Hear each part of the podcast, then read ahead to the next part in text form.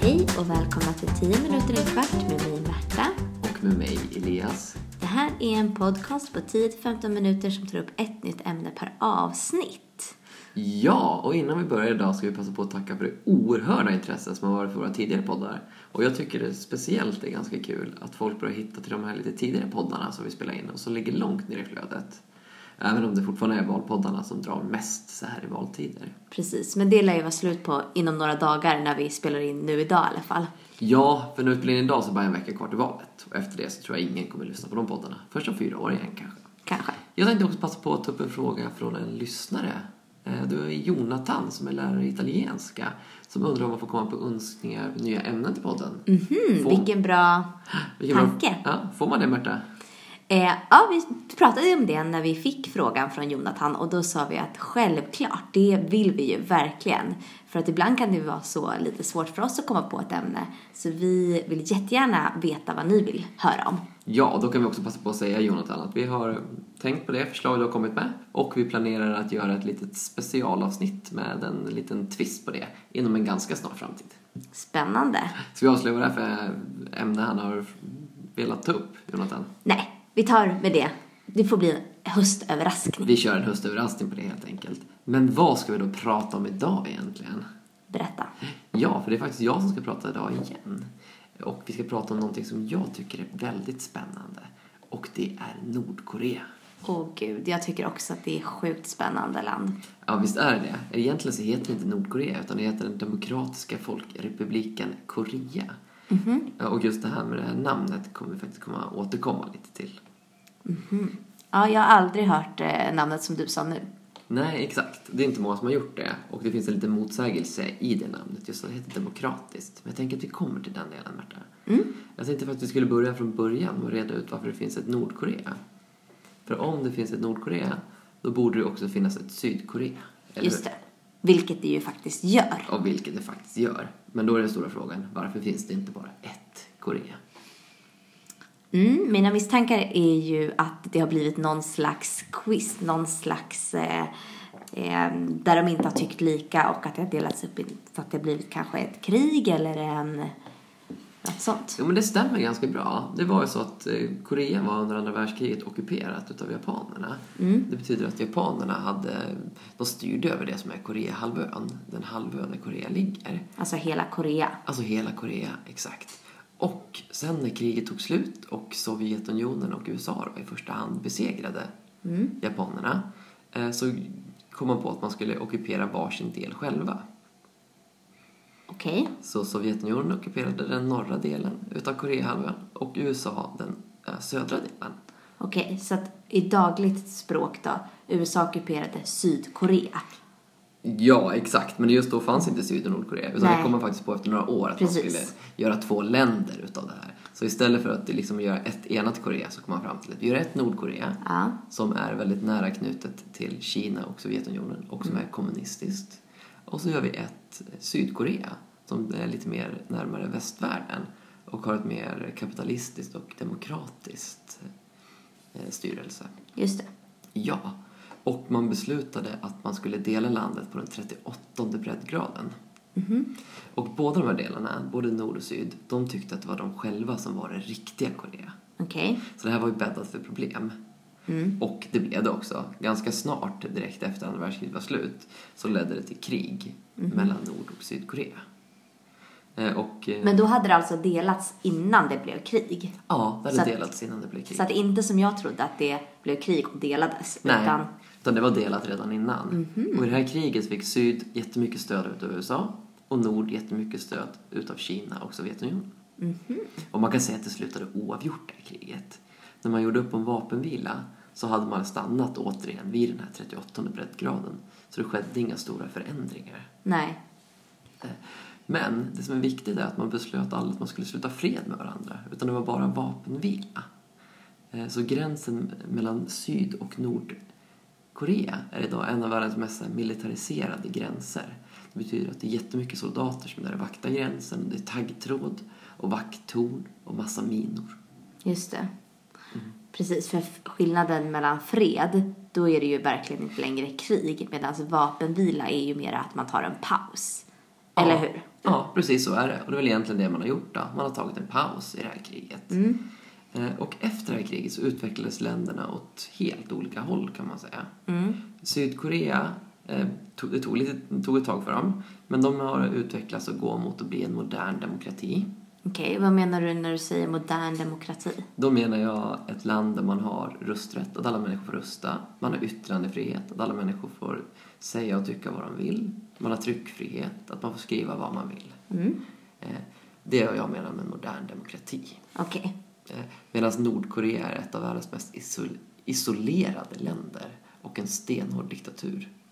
Spännande. Ja, jätte, Vad, jättespännande. vad betyder det då? Du kanske ska förklara mer senare. Ja, att man är, nej, men vi kan ta den nu Mm. direkt. Jo, att man är isolerad, det betyder att man har slutit sig helt mot omvärlden. Det betyder att nästan ingen får komma in och i princip ingen får komma ut från Nordkorea.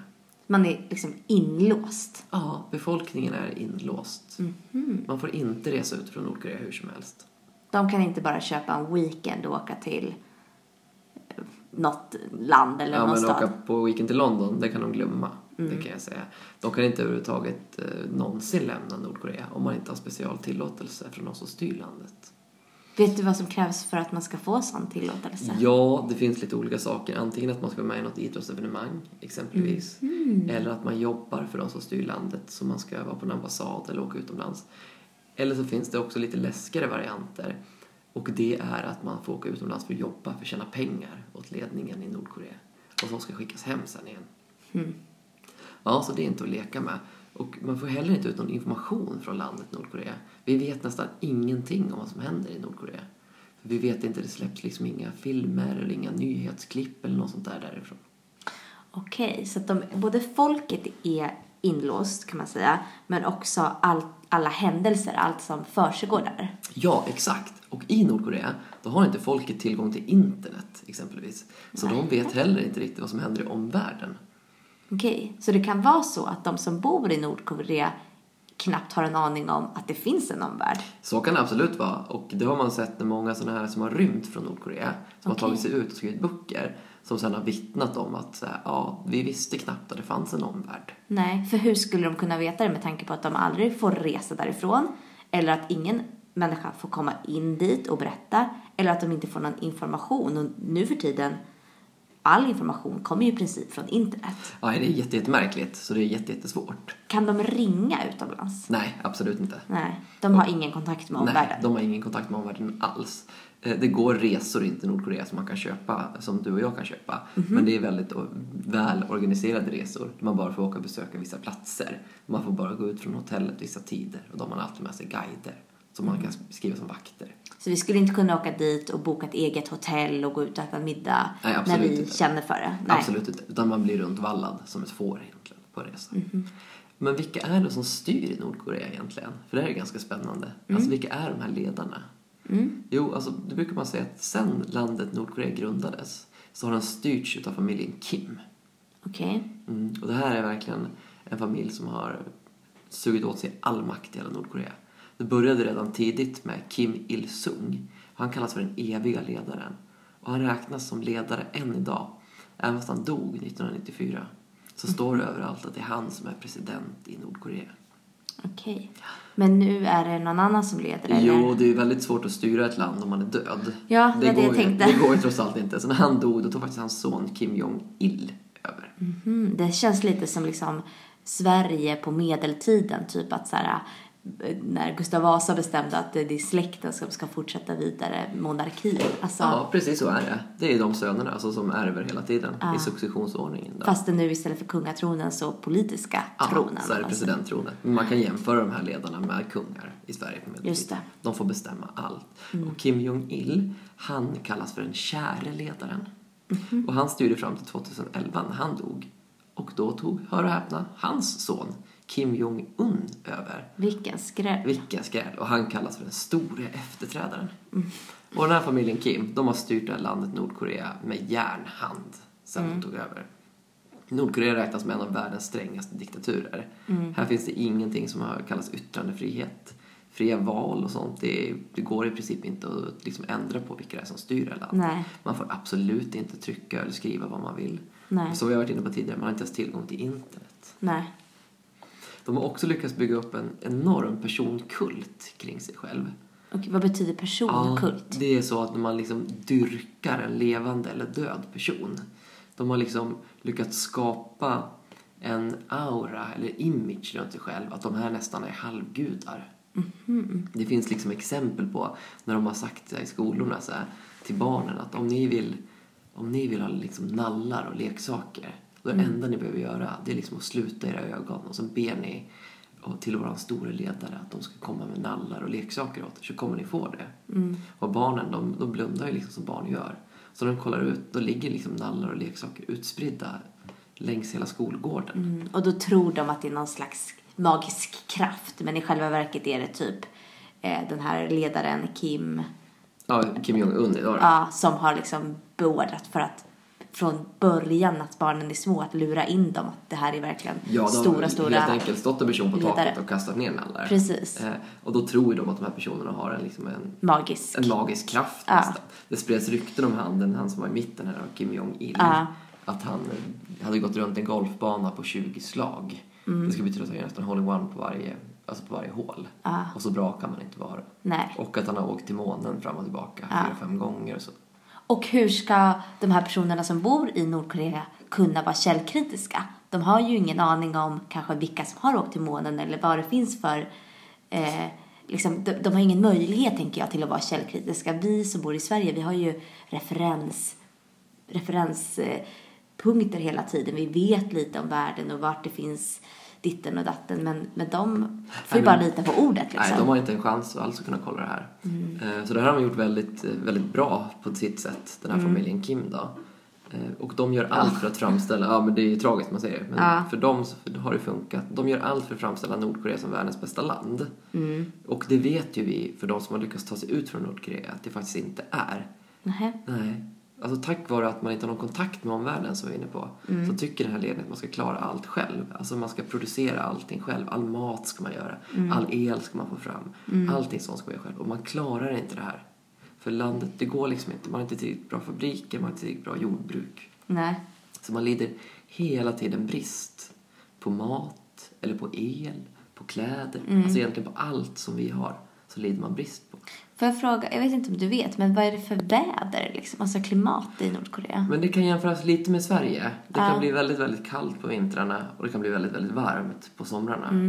Och med så här lite extrema temperaturer kan det bli ganska svårt att odla saker. Ja, det, är jätte- alltså, det kan nog vara svårt men framförallt har de ett väldigt omodernt jordbruk. De har ju inte kunnat köpa traktorer eller kunnat bygga traktorer. De har ju traktorer från 50-talet. Ja, och jag tänker på den här sägningen uppfinna hjulet igen. Det lär ju de behöva göra hela tiden för vi får ju information från andra länder om att eh, ja men, det här, nu finns det här och så kan vi bara härma efter någon bra uppfinning. Men det kan ju inte de göra för de får ju inte informationer om nya saker. Nej, och de hade det liksom när, förr i tiden så hade de, fick de ganska mycket hjälp av Kina och Sovjet när det fanns. Men sen när Sovjet kollapsade så har de inte fått speciellt mycket hjälp därifrån. Nej. Och Kina började successivt hjälpa dem mindre och mindre.